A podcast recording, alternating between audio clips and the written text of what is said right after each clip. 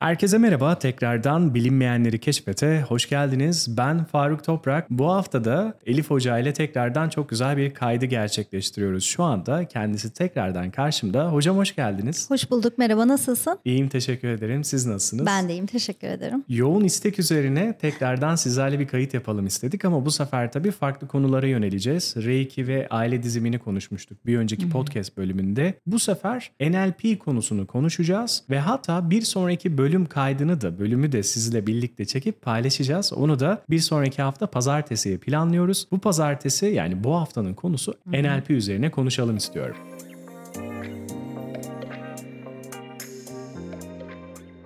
Hocam direkt NLP tam olarak nedir? Yani Neuro Linguistic Programming İngilizcesiyle, duyu dil programlama Türkçesiyle. Bununla ilgili bize bilgi aktarabilir misiniz? Tabii ki zevkle. Şimdi NLP biliyorsun ben iki eğitim veriyorum. Bunlardan biri NLP, diğeri de Reiki. NLP bizim beynimizi aslında terbiye etme ve nasıl düşünüleceğini, hangi yöntemlerle ilerleyeceğini belirlediğimiz bir teknik. Bunu yaparken de linguizmi yani dili kullanıyoruz. Reiki de bildiğin gibi enerji çalışmaları boyutu. Şimdi bu ikisi bir ve bütün olduğunda zaten hani insanın o genel tekamül planına çok ciddi destek sağlıyor. NLP dediğin gibi Neuro Linguistic Programming. Bütün dünyada akademileri olan, eğitimleri olan bir disiplin. Çıkışı da mühendis ve linguistik iki akademisyen tarafından ortaya çıkıyor. Bizim NLP eğitimlerindeki amacımız dil kalıplarımız, dil modellerimiz ve konuşma şeklimize bağlı olarak davranışlarımızı, düşüncelerimizi ve bilinçaltımızı dönüştürmek. NLP de bizim hedeflediğimiz şey hem etkili ve verimli iletişim sağlamak hem de bununla birlikte hayatımızda yapmak istediğimiz o değişim ve dönüşüm aşamalarını, kademelerini her neyse buraları desteklemek. Benim vermiş olduğum NLP eğitiminde masterlığa kadar verebiliyoruz. Bu eğitimlerde de practitioner ve master olmak üzere iki eğitimle hem öğrencilerime hem danışanlarıma destek. Çok iyi. O zaman hocam şöyle diyebiliriz. NLP'nin kişi üzerinde ya da gerçi kurumlara da geleceğiz birazdan. Kurumlarda da böyle bir eğitim, çalışma vesaire yapılabiliyor mu? Buna da değineceğiz. Kişi üzerinde bayağı olumlu etkileri olduğunu söyleyebiliriz NLP'nin. Sanırım 1973 yılında aslında çok da eski değil. Öğrenci ve öğretmen bir akademik bir çalışma sonrasında bu tekniği keşfediyorlar ve sonrasında buna başlıyorlar.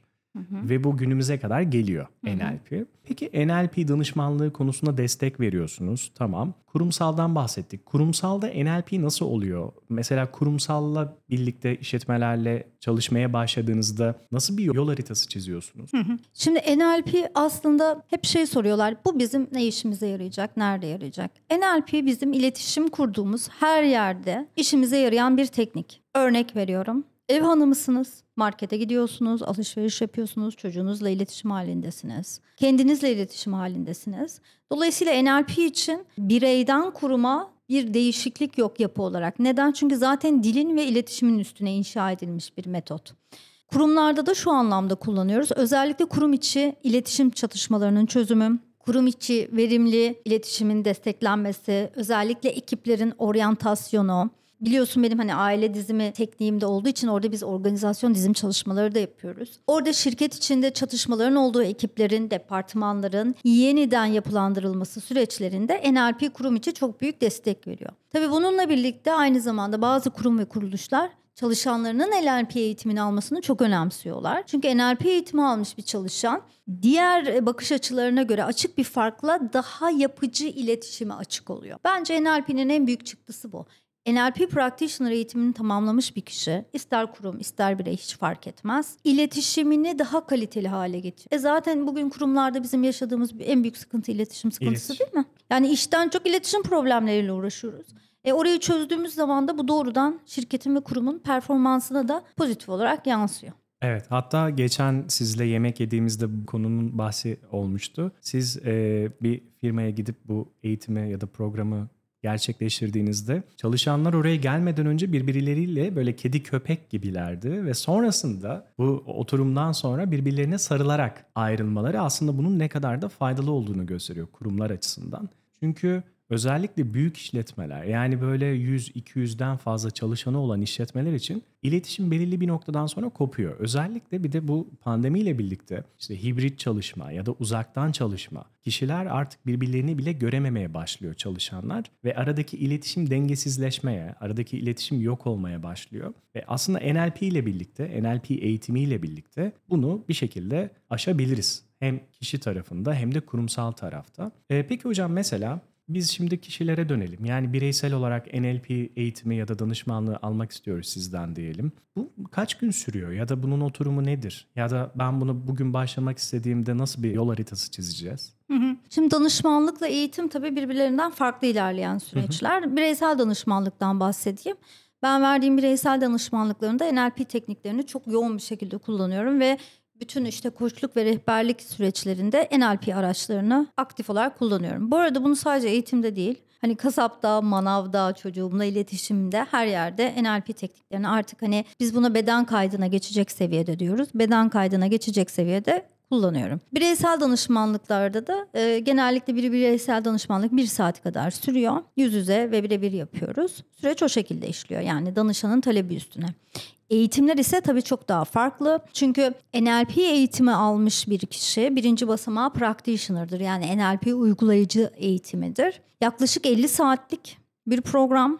Hafta içi akşam saatlerinde online olarak yapıyoruz. İki güne bölüyoruz. Çok yorulmasın konuyu öğrenmek isteyen arkadaşlar diye. Ve sürekli tekrar ve uygulama üstünden ilerleyen bir süreç. Sonunda da 50 saatlik programın sonunda da NLP-PA İngiltere'den akredite sertifikasyonları oluyor.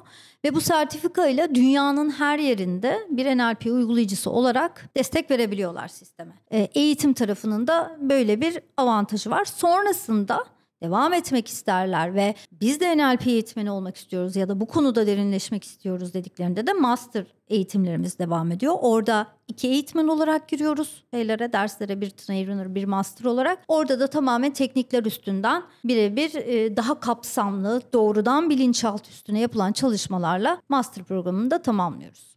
Bunlara şey de diyebilir miyiz? Aslında yaşam koçu olmak isteyen kişilerin bir bakıma NLP eğitimini ya da o masterlığı almış olmaları gerekiyor. Şöyle aslında Faruk orada şöyle bir şey var. Yani Türkiye'de ve dünyada biraz farklı işliyor bu süreçler koçluk sürecinde. Aslında yurt dışında NLP'nin içindedir koçluk eğitimi. Benim koçluk eğitimi almış öğrencilerim de var. Onlardan aldığım geri bildirimi paylaşıyorum. Benim de var koçluk eğitimlerim. Onların verdiği geri bildirim şu. NLP teknikleriyle desteklenmiş koçluk modelinde çok daha hızlı ve esnek yol alabildiklerini söylüyorlar. Çünkü NLP'nin o kadar çok aracı var ki Faruk. Yani ve çok o kadar esnek bir sistem ki çünkü dile bağlı bir sistem. Bir alet çantanız var. Öyle düşünün. X teknik sizde güzel çalışıyor, Y teknik daha az çalışıyor olabilir. Bu esnekliği sağlıyor size NLP. E, koçlukta ve rehberlikte de her insan bir ve benzersiz diyoruz ya işte NLP'nin o araç çeşitliliği o anlamda alanı rahatlatmak ve sonuca hızlı ulaşmak için çok daha büyük destekleyici sağlıyor. Çok iyi. Peki mesela benim merak ettiğim bir şey var bu NLP ile ilgili. NLP eğitimini almak istiyor diyelim bir kişi. Burada sizce herhangi bir yaş sınırı var mı? Yani atıyorum 18 yaş üstü, 18 yaş altı gibi böyle bireylerde herhangi bir yaş sınırı var mı? Aslında yaş sınırı yok. Hatta ben şöyle düşünüyorum. Keşke olsa bütün üniversitelerde en azından hani uygulayıcılık seviyesinde NLP eğitimi verilse. İnanın bugün yaşadığımız iletişim problemlerinin çoğunu daha orada çözmüş oluruz. Bir yaş sınırı yok. Bununla birlikte tabii hani benim verdiğim e, eğitimlerde yüzde olarak bakacak olursak genellikle üniversite mezunları yüzde 80 civarında. Dolayısıyla nereden baksanız 25 yaş üstü. Şu an bana gelen ortalama eğitim alan kişilerin yaş ortalamaları 27-30 e, aralığında. Tabii bunun üstü ve altı da var. Yani 18 yaşında üniversite öğrencisi öğrencim de var. Ama hani bunlar standart sapmada. Bir yaş sınırı yok. Farkındalıklarının olması, kendini geliştirmeye niyet etmiş olması ve bunun için dili kullanmaya karar vermiş olması yeterli eğitim alması için. Bir de şey de çok tuhaf. Mesela herkes NLP'yi bilmez. NLP'yi duymuşlardır bir yerde, işte bir videoda vesaire. Direkt size spesifik olarak hocam işte ben NLP eğitimi almak istiyorum diye gelmezler diye düşünüyorum. Hı hı. Orada onların isteklerine ve ihtiyaçlarına göre siz mi yönlendirme yapıyorsunuz? Hı hı. Bizim ara ara webinarlarımız oluyor. Bu webinarda NLP ile ilgili soruları cevaplıyoruz. Dediğin çok doğru bu arada. Gerçekten insanlar NLP'nin nerede nasıl işe yarayacaklarını anlayamayabiliyorlar ya da ön yargılı başka deneyimleri olmuş olabiliyor maalesef. Bir de hani böyle neurolinguistik programming deyince böyle hani çok devasa bir şeyden bahsediyor olma hissi biraz korkutuyor da olabilir. Hatta yakın dönemde şöyle bir deneyimim oldu. Hmm, Türkiye'nin iyi bilinen bir İK şirketinin başında bir e, çok sevdiğim bir değerli bir hoca Dedi ki NLP'yi senin gibi bu şekilde anlatıyor olsalardı eğer hani biz bunu bütün kurum içi eğitimlere alırdık. Hani biz metodolojiyi çok önemsiyoruz. Ben zaten biliyorsun yüksek antropoloğum. Bununla birlikte uygulama çok kıymetli. Yani verdiğimiz eğitim sonunda senin hafta hafta hafta hafta değişimini takip ediyoruz. Hatta geçen gün bir tane öğrencim şey dedi. Hocam dedi biz de eğitim boyunca resmen bireysel seans alıyor gibiyiz. Yani kendi üstümüzde çalışıyoruz, etrafımızda çalışıyoruz. Dolayısıyla o anlamda çok kıymetli. Bize gelen, bana gelen danışanların çoğu NLP'de ya sınırlı ya da farklı bakış açısına sahip oluyorlar. Ama eğitim aldıktan sonra çok güzel geri bildirimler alıyoruz çok şükür. Burada bir şey dediniz. Çalışma yapıyorlar dediniz. Şimdi ben NLP eğitimi almadım. Dinleyicilere buradan da ileteyim ve aslında almak istediğim eğitimlerden bir tanesi bu. Ee, şimdi Reiki eğitimini aldım. Reiki'den sonra 21 gün bir çalışma yaptık. İşte kısa terapi Reiki'si. Peki NLP'de de böyle bir şey var mı? Yani eğitimi aldıktan sonra şöyle çalışmalısın gibi bireysel olarak. Hı hı. NLP bir enerji çalışması değil. NLP mental bir çalışma. Yani biz beyinle çalışıyoruz ama duygulara hitap ediyoruz. Beyinle çalışıyoruz ve duygulara hitap ediyoruz. Evet ben hep diyorum düşünen beyin diye. Peki bu duygular karşımızdaki insanın duyguları mı, kendi duygularımız mı? İlk önce kendi duygularımızı doğru tanımlamayı öğreniyoruz ve du- bu duyguların hangi düşüncelerden oluştuğunu. Çünkü biliyoruz ki aslında duygularımız düşüncelerimize göre oluşuyor. NLP'nin amacı da bu arada duygu değişmez. Ancak düşüncenizi değiştirebilirsiniz. NLP de burada devreye giriyor. O zaman NLP biraz bana tehlikeli geldi hocam. NLP konusunda kendisini geliştirmiş olan insanlar aynı zamanda manipülasyon yeteneği de çok güçlü olan insanlar da olabilir. Ya da kitleleri yönetme, kontrol etme gibi. NLP'nin kurucuları arasında zaten bir takım ajanlar var. Şaşırmadım. Ee, bununla birlikte her bilgi her enerji, her deneyim hayra da şerre de kullanılabilir. Burada sizin niyetiniz önemli. Bu teknikleri insanları manipüle etmek için de kullanabilirsiniz. Toplum mühendisliğini negatif anlamda da kullanabilirsiniz. İnsanlara daha fazla katkı sağlamak için de kullanabilirsiniz. Doğru. O iradenize kalmış aslında. Aynı şekilde teknoloji için de aynısını diyebiliriz. Gelişmiş teknolojiyi iyiye de kötüye de kullanabiliriz aslında ne tarafa çekmek istiyorsak. Çok doğru. Peki NLP eğitimi verdikten sonra kişilere sertifika sağlıyorum dediniz. Hı hı. Bu sertifika iki konu aslında dikkatimi çekti. Bir İngiltere'den hı hı. bahsettiniz. İki de e, bahsi olmadı ama merak ettiğim için soruyorum. Bu sertifikaların bir geçerlilik süresi var mıdır? Sertifikasyonla ilgili soruna cevap vereyim. Bir de bir önceki sorunla ilgili parantez açacağım sonra. NLP PA Google'layabilirsiniz bugün her yerden bakabilirsiniz. Uluslararası anlamda sertifikasyonu bütün dünya ülkeleri tarafından kabul edilen bir sertifikasyon. Dolayısıyla sertifikayı aldığınızda Avustralya'da da, Amerika'da da, İngiltere'de de, Finlandiya'da da, Türkiye'de de NLP practitioner olarak e, destek verebilirsiniz insanlara. Zaten sertifikamız bu arada tabii dijital artık. Evet. Bir ID'niz var. Size bir unique kod veriliyor ve o kodla da siz sistemden istediğiniz şekilde o kodla sorgulayabiliyorsunuz. Yani o database'e kaydoluyor. Bir geçerlilik süresi yok. Tabii ki her bilgi gibi kullanıldıkça parlar. Doğru. Dolayısıyla da bir kere o sertifikayı aldığınızda artık NLP practitioner'sınızdır. Bununla birlikte bunu ne kadar etkili kullandınız, hayatınıza ne kadar aldığınız sizin gelişiminiz ve katkınıza bağlı. Her eğitimi alan ve her sertifikayı alan birer uygulayıcı olarak profesyonel hayata atılıyor mu? Hayır. Öğrencilerimin içinde bunu profesyonel olarak yapmaya başlayanlar var mı? Evet. Yani şimdi 2023'te verdiğimiz eğitimlerle 4 sınıf açıldı. Bu eğitimlerin içinde şu an 5 tane öğrencim aktif bunu iş olarak yapıyor. Ek olarak Ocak ayında da şimdi master programına başlayacağız. Yani 2023'te practitioner, 2024'te de masterlarımız çıkıyor olacak. Bu ha, çok, çok kıymetli iyi. bence. Evet, yolun açık olması anlamında. Dolayısıyla sertifikasyon çok kıymetli ve uluslararası. Bizi ayıran en önemli özelliklerden biri de bu. Demin bir de şey dedin hani NLP'yi aldığımızda hani uygulama bir 21 günlük süremiz var mı? Yok bu bir enerji çalışması değil. Bununla birlikte ben her e, salı perşembe yapıyoruz. Salı günü bir konu işliyoruz. Teorisi ve bunu nasıl uygulayacaklarına dair minik pratikler veriyorum. Her eğitimin başında da o pratiklerin üstünden geçiyoruz. Yani aslında 50 saat yani 6-7 haftaya denk geliyor. O kadar süre boyunca her bir öğrencim önce kendine sonra en yakın çemberine bir şeyler uygulamış oluyorlar zaten ve inanılmaz farkındalıklarla dönüyorlar. Yani perşembe biz cuma yapıyoruz bu kaydı şu anda. Perşembe günü dün bir tane öğrencim e, iş yerinde çatışma yaşadığı bir e, ekip arkadaşını verdiğimiz bir teknikle analizinde bulundu ve aslında tek problem kullanılan kelimelerden kaynaklanıyordu. Kelimeleri değiştirdiler ve şu an bambaşka bir yerdeler. Değil mi?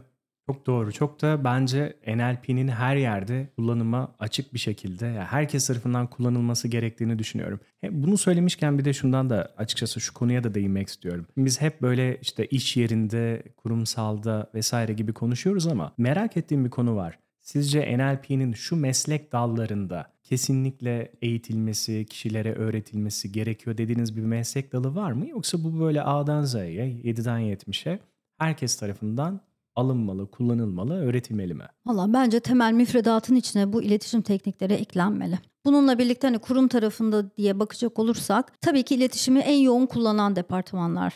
Hani satış, pazarlama, insanlarla teması, görsel, işitsel ya da dokunsal fark etmeksizin en yoğun olan temasın olduğu departmanların kullanması lazım. Peki bizim yazılımcılar var mesela değil mi? IT'ciler hani iletişim çok belki insanlarla iletişim halinde olmuyorlar. Ancak bu sefer de bulundukları ekipteki çatışmaları yönetmek anlamında onları da bu kapsama alabiliriz. Bu arada minik bir not. Biz mesela temsil sistemlerini işliyoruz Faruk NLP'de. Orada insan beynini görsel, işitsel ve dokunsal olarak üç temel yere ayırıyorduk. Ama mesela şimdi dijital diye bir şey geliyor. Evet ve bangır bangır geliyor. Bangır bangır geliyor ve yeni nesil kuşakta işte Z de demiyorum artık hani ondan da e, öte başka bir kuşakta dijital iletişim yani veriyi dijital işleyen beyinlere sahip bir çocuklar geliyor şu anda. Dolayısıyla mesela NLP şu an şeyi konuşuyor. Acaba temsil sistemlerine dört dijital düşünenleri de mi eklemeliyiz? Evet, bu beynin gelişimiyle sonsuza kadar gelişecek ve değişecek bir şeyden bahsediyoruz. Çok heyecan verici değil mi? Kesinlikle çok heyecan verici. Ve şey böyle hani sonunu kestiremiyorsun aslında. Bugün biz buna dijital diyoruz. Belki dördüncüsünü ekledik dijital. Belki beşte de bambaşka bir konu gelecek. İlerleyen zamanlarda, yıllarda. NLP çok enteresan, çok ilginç bir konu ya benim için. Hakikaten ve bunun eğitimini gerçekten almak istiyorum. Peki hocam şimdi meslek dallarından da konuştuk. Spesifik olarak herhangi bir meslek dalı yok aslında. Yok evet. Yani tüm meslek dalları için geçerli, hı hı. kullanılabilir bir metot. Hı hı. Metot diyebilir miyiz buna? Metot diyebiliriz çünkü içinde bayağı bildiğiniz böyle hani A artı B eşittir C gibi tekniklerin, dil kalıplarının olduğu şeyler var. Mesela departman bazında gidecek olsak finans değil mi? Hani böyle genelde şirketlerin daha soğuk yüzüdür. Benim finans temelli çok öğrencim oldu. Hem NLP'de hem R2'de. En büyük katkısı ne oldu biliyor musun? O hani duvar var deniyor yani iletişim işte yaptıkları iş rakamsal olduğu için aslında sol beyin oldukları için NLP eğitimini aldıktan sonra o daha yaratıcı zekayı hem onlar anlamaya başladı hem iletişimde nerede tosladıklarını ya da nerede daha farklı algılandıklarını anladıkları için yine dillerini değiştirerek bunların tekniklerini öğretiyoruz. Kurum içinde daha görülür, duyulur ve bilinir olmaya başladılar. Bu çok kıymetli bence. Kesinlikle. Evet Elif Hocam artık bu bölümü kapatmadan önce son bir soru da yönelteyim sizlere. NLP eğitimi almak isteyen kişi ya da kurumlar size elifoktav.com'dan ulaşabilirler artık. Bunu evet. bir önceki bölümden paylaştık herkese ama tekrarlamak istedim şu anda. Bunun için sizin mesela takviminizi planlamadan önce neye dikkat ediyorsunuz? Yani kurumsa şu özelliklere dikkat ediyorum. Bireyse işte şunu şunu yapmış olması gerekiyor önce dediğiniz bir kriter var mı aslında onu merak ediyorum. E, bireyler yani bireysel eğitimler için bir kriter yok. O zaten belirli bir takvime tabi. Zaten NLPPA'nın orada verdiği net, kesin ve kat'i kriterler var. İşte hani belirli günlerde olmasına ilişkin ve belli bir saati tamamlamakla ilişkin. Biz bu eğitimleri böyle mesela 50 saat tak tak tak arka arkaya işte bir gün, iki gün, üç gün değil özellikle bölerek, özellikle saatleri kısa kısa tutarak veriyoruz ki her hafta bir sonraki pratiği yapmış olsun. Yani sadece rutin bir şekilde metodolojiyi anlat geç değil uygulamaya dönüşsün. Çünkü beyin tekrarı seviyor Faruk. Evet. Beyin tekrarı sevdiği için de zamana yayıyoruz bireysel eğitimleri. Kurumlarda da Tabii kurumun talebi için mutlaka bir ön görüşme yapıyoruz. Neye ihtiyaçları var onları analiz ediyoruz. Kaç kişi bu eğitimi alacak. Bu arada minik bir not. E, NLP'yi böyle şey gibi düşünme lütfen. Hani böyle geliyor biri anlatıyor sana. Şimdi hadi bakalım bunu yap. Öyle bir eğitim değil. Tam tersi içinde bol oyunların olduğu, göz İnterak- bantlarının, iplerin, renklerin, boyaların, kalemlerin, kağıtların olduğu bir eğitim oluyor. Hani gamification diyoruz ya ona. E, çünkü şey homo ludiens diyoruz ya insan oyunu oynayan canlıdır. Dolayısıyla bedensel olarak da o deneyimi yaşattığımız için çok kalıcı sonuçları olan keyifli eğitimler çıkıyor. Süper. Hocam teşekkür ediyorum valla ağzınıza teşekkür sağlık. ederim. Çok güzel bir bölümdü. O zaman bir sonraki hafta yeniden görüşmek üzere. Çok iyi bakın kendinize. Hoşçakalın. Bay bay.